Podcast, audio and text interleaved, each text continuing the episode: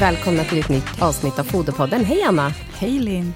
Du, eh, idag ska vi prata lite grann om eh, etiketter på foder. Ja, Spännande ämne. Eller eh, när man köper sitt foder vill man ju veta vad man väljer för produkt och om den är relevant för hästens behov. Eh, och det är ju lätt att man kanske väljer att titta på säcken och hinkarna om, om de har fina färger eller vackra motiv eller att man eh, känner någonting för produkten när man ser säcken eller förpackningen. Eh, men idag skulle vi titta lite mer på hur man väljer rätt. Och jag tänker att du kanske kan börja med att prata lite vad man ska leta efter på säcken. ja, precis. Och allra först och främst så bör man ju ta reda på vad hästen faktiskt behöver. Vad det är för typ av häst man har, alltså hur gammal den är, är den lättfödd eller svårfödd? Vad ska hästen göra? Är det ett avelsto eller tränad en dressyr eller hoppning eller vilken typ? Och vilken typ av arbete och vilken arbetsintensitet går den i? Eh, Sen är det andra saker som också spelar in, vad man har för förutsättningar. Eh, nu närmar vi oss sommaren här och eh, då har man tillgång till bete eller kommer man ha ett konserverat grovfoder över eh, sommaren. Eh, utfodringsrutiner kan också spela roll, vilken typ av foder man behöver leta med- efter som kompletteringsfoder. Och sen så behöver man då matcha det innehållet i den, det, den typen av grovfoder som hästen ska äta med det kompletteringsfoder som man väljer. Och ibland kan det ju vara att man letar efter ett foder för att hästen har särskilda behov. Till exempel att den har problem med magen eller med sina leder eller, eller vad det nu kan vara. Mm.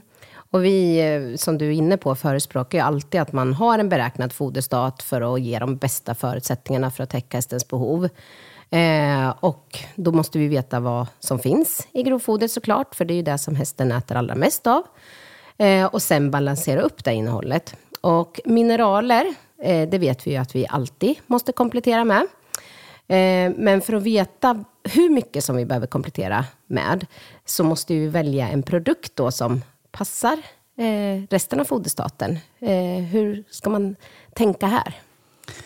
Ja, men dels så är det ju viktigt eh, ur ett ekonomiskt perspektiv att man eh, lägger pengarna på rätt sak. Man köper det som faktiskt eh, hästen behöver. Och det, på, ur det perspektivet så är det också viktigt för miljöns skull att man inte överkonsumerar. Eh, vi behöver inte transportera mer foder än vad som faktiskt är nödvändigt. Vi behöver inte producera mer foder än vad som faktiskt är nödvändigt att, att vi utnyttjar. Eh, och sen så måste vi alltid titta på hästen som individ. Vad är det den faktiskt behöver när vi väljer foder?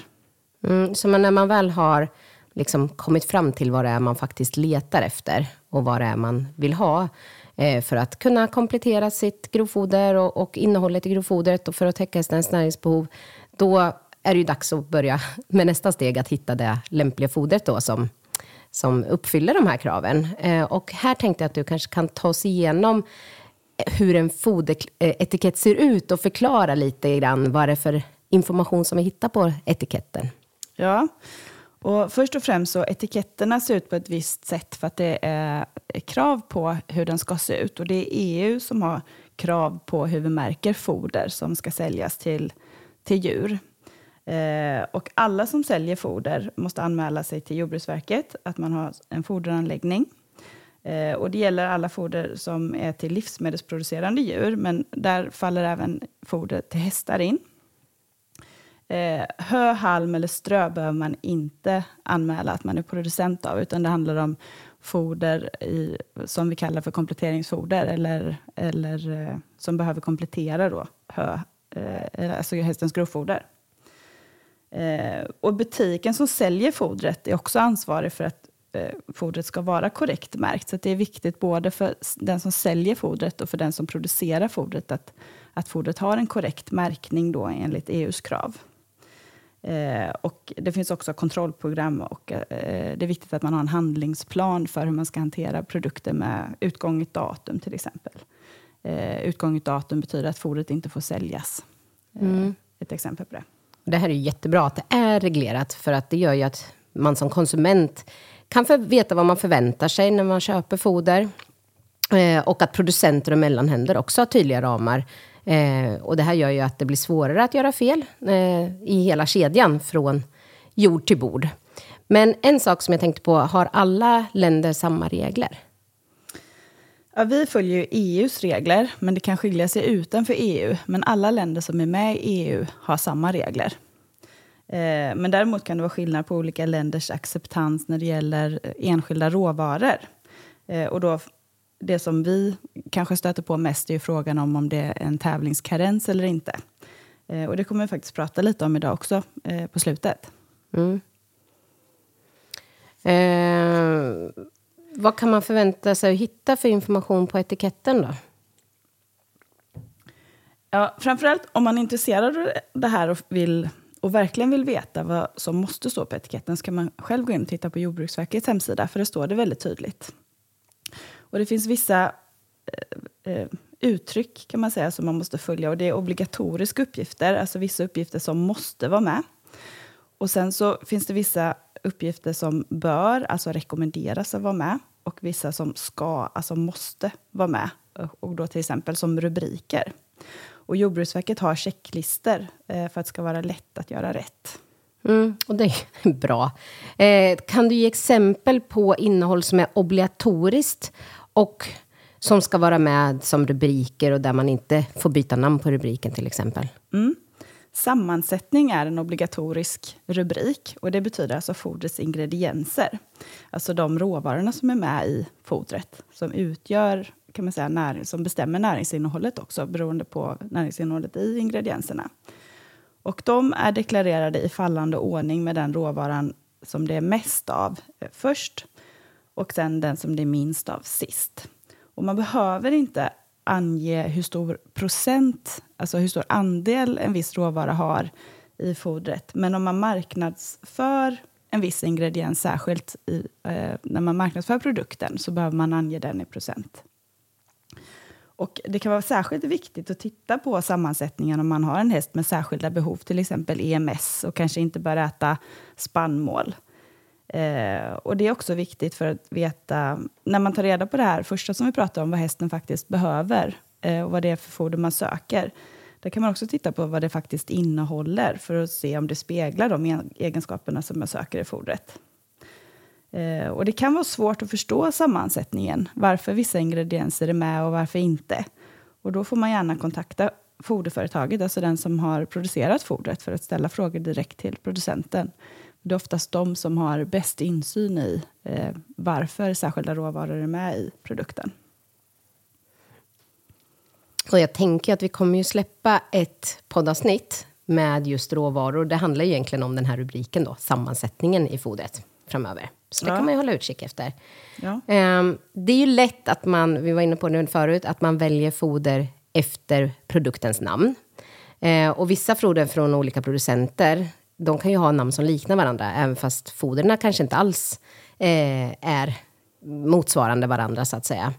Eh, så att innehållet kan ju skilja sig väldigt mycket mellan olika foder och i råvaruvalet och i näringsinnehållet. Ja. Så det är väldigt viktigt att vi som producerar och säljer foder också döper produkterna till något som gör det lätt för kunden att förstå vad de köper. Eh, men det finns fler obligatoriska rubriker som man alltså inte får byta namn på och som måste vara med på en foderetikett. Och det är analytiska beståndsdelar eller analyserat innehåll. Och de uppgifterna som måste finnas med under analytiska beståndsdelar är råprotein, råfett, råfibrer, råaska och natrium. Men sen kan det stå med mer. eh, Och det finns några eh, underrubriker då som är valfritt innehåll. Och där har vi socker och stärkelse, smältbart råprotein, omsättbar energi, kalcium under 5% magnesium och fosfor under 2% och aminosyror. Och om man då tittar på till exempel socker och stärkelse så kan det vara rätt så relevant att, att veta att det är en valfri uppgift att deklarera på sin etikett. Om man då är en, en hästägare, om vi ska ta det här EMS-exemplet igen, som har en häst som bör äta en spannmålsfri diet, men man kanske har lärt sig framförallt att det ska vara lågt socker och stärkelseinnehåll och så är inte det deklarerat. Då kan det vara viktigt att man faktiskt går tillbaka. Okej, men vad var det i, i sammansättningen? Innehöll det här fodret mycket spannmål? Då kan man dra slutsatsen att ja, men då bör det också ligga på ett lite högre stärkelseinnehåll och då kanske detta fodret inte är lämpligt för mig även fast inte socker och stärkelseinnehållet är, är deklarerat. Så här gäller det att, att ha lite koll.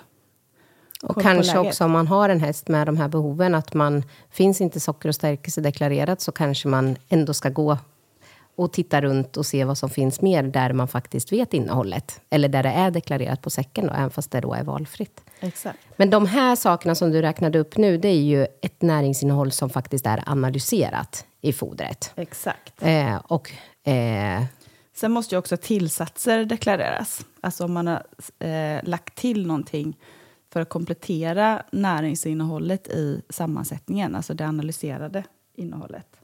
Och under tillsatser så har vi vitaminer och spårämnen. Och, eh, och det är obligatoriskt om de har en lagstadgad maxtoleransgräns. Men det är valfritt att deklarera till exempel B-vitamin, vitamin A, vitamin E och aminosyror. Så där kan det också vara olika utförligt på olika etiketter beroende på vad företaget vill, vill lyfta fram. Mm. Och vi har ju ett helt eget avsnitt i Foderpotten om just mineraler och där vi också diskuterar skillnaden just mellan organiskt bundna mineraler och icke-organiskt bundna mineraler. Så att jag tänker, för att inte trappa tråden helt och hållet här, så kanske vi eh, inte ska prata eh, eh, allt för djupt, men att du ändå får be beskriva skillnaden mellan vad, eh, hur det här fungerar på etiketten. Ja, organiska eller icke-organiska bundna mineraler. etiketten, ja. Exakt. Och det kan man utläsa genom att titta på, på ändelserna på mineralerna. Om det till exempel står att det är ett eh, eh, kelat, acetat, fumarat, gluconat, laktat, lysinat eller citrat.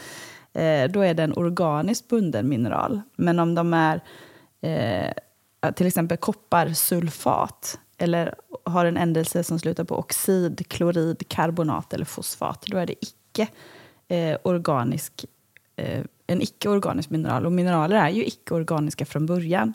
Men det man kan göra är att man kan eh, behandla mineralerna på ett sätt att de blir organiskt bundna. Att man ja, kopplar på dem på en aminosyra till exempel. Eller tillsammans med en gästkultur, vilket gör att, att eh, hästen ska, lättare ska kunna eh, ta upp det. Men enligt EUs regle, eh, reglemente då, så måste man deklarera både den icke-organiska mineralen och den organiska benämningen eh, i, på sin innehållsdeklaration under tillsats, tillsatser. Men det kan vara lite förvirrande. Ja, till exempel så skulle man kunna säga att har man en icke-organisk mineral, men som är sen till exempel gelaterad, Exakt. så kommer ju även den här ursprungliga källan att stå med. Exakt. Mm. Exakt. Eh, finns det andra tillsatser som behöver deklareras på etiketten då? Ja, om det finns några tekniska tillsatser. Och det, ett exempel på det kan vara bentonitleder som kan finnas i ett tillskott för eh, hästar med diarré eller dålig mage. Eh, eller om det är en ingrediens som uttryckligen ska främja matsmältningen. Till exempel en gästkultur som Saccharomyces cerevisiae, eh, en probiotika då för eh, hästar med problem med magen återigen. Då. Sen så finns det andra eh, obligatoriska uppgifter som måste stå med på etiketten. Och det är partinummer, alltså batchnummer. Eh, en garantitid, alltså ett bäst före-datum. Eh, kategori, om det är ett tillskott som faller under foder eh, eller om det är ett kompletteringsfoder eller om det är ett dietfoder eller ett mineralfoder. Och ett mineralfoder måste till exempel innehålla mer än 40% råaska för att få kallas för ett mineralfoder. Eh, sen ska det finnas upplysnings och varningstexter eller symboler. Eh, en bruksanvisning, alltså en utfodringsrekommendation, måste finnas med. Eh, rekommenderad daglig giva brukar vi prata om. Eh, det måste finnas namn, adressuppgifter och godkännande nummer på den som har producerat fodret. Alltså eh, urproducenten. Eh, nettokvantitet, alltså livsmedlets själva vikt eller volym, måste stå med. Och det måste finnas ett gratis telefonnummer. Eh, alltså det får inte kosta någonting att ringa för att kolla upp fodret hos foderproducenten. Och det gäller för foder till sällskapsdjur. Mm. Och det här är ju alltså obligatoriska uppgifter som måste finnas med.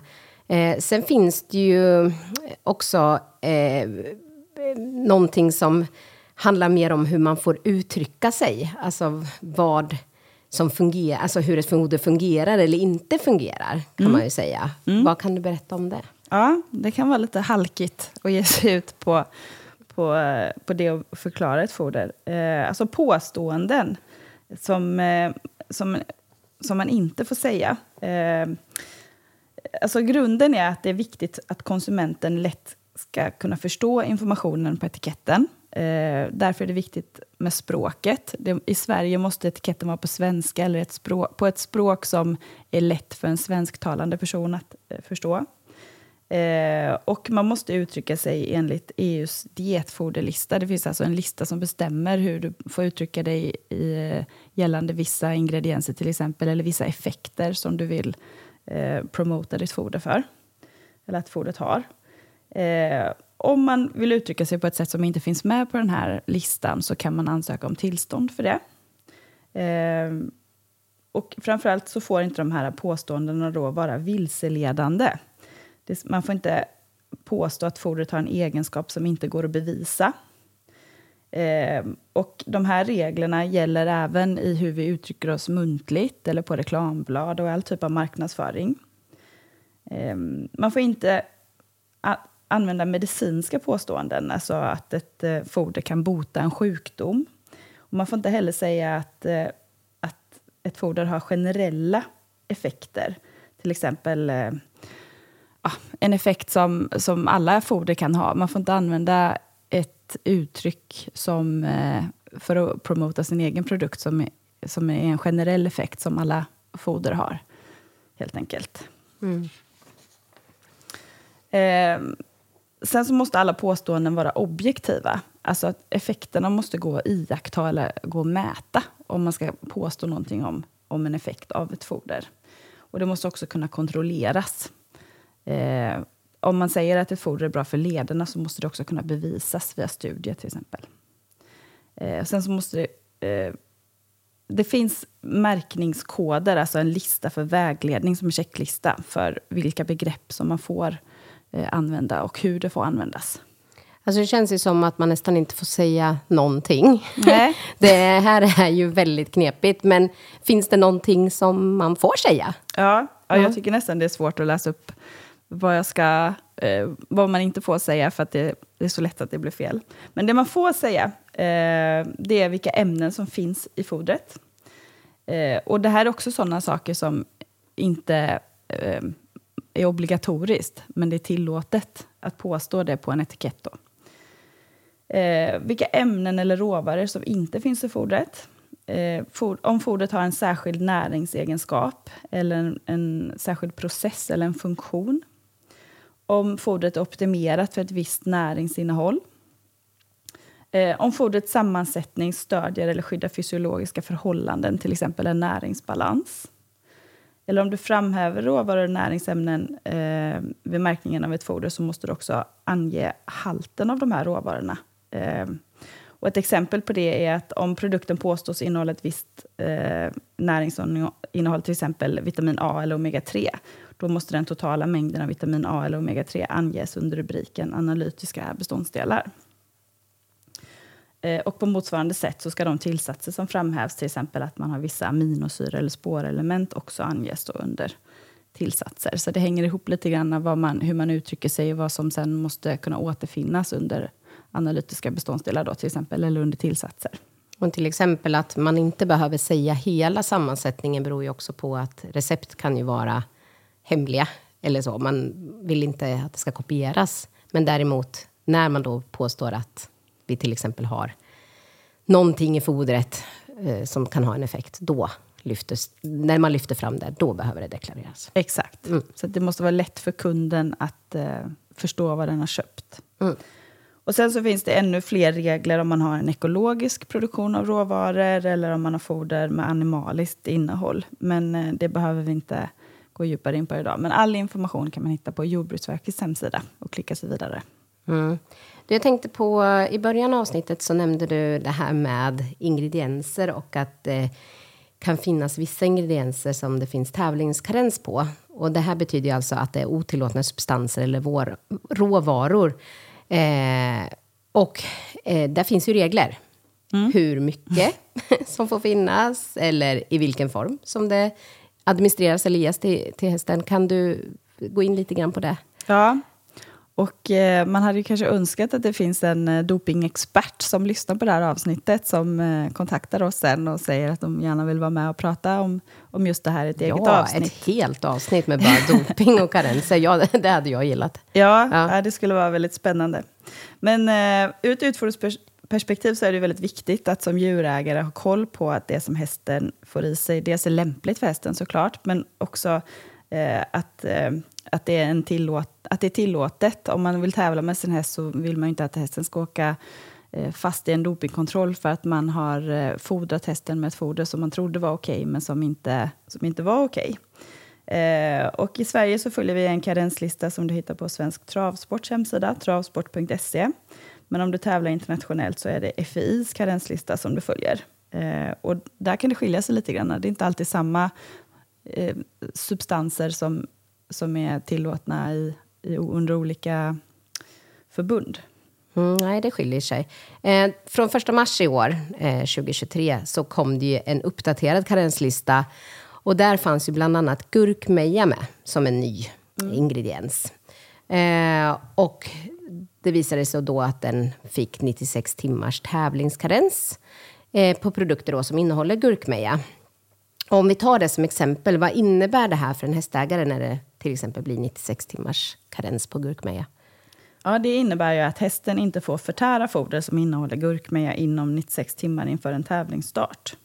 Och eftersom att det inte finns några utskrivna gränsvärden eh, så gäller det att ha koll på att hästen inte äter ett foder med gurkmeja i överhuvudtaget då, inom den tiden. För då kan man riskera att, eh, att hästen inte går igenom en dopingkontroll. Det där är ju knepigt när det inte finns något gränsvärde. Ehm, för oss då på Hippolyt så innebar ju det att det, en hel del foder fick justera sitt recept. För vi hade ju gurkmeja i ganska många av våra produkter. Och vi hade det som sista ingrediens i sammansättningslistan. Eh, så eh, det var alltså den ingrediensen eh, som det allra minsta av. Jag vet inte om du har nämnt det, men att det står ju i fallande ordning när vi kollar på sammansättningen. Så att, eh, när den stod sist på listan så har vi eh, lägst innehåll av just den. Eh, och i de allra flesta fallen så hade vi det här i foderna för att gurkmeja är rik på antioxidanter eh, och därmed fungerar som ett naturligt konserveringsmedel i foderna.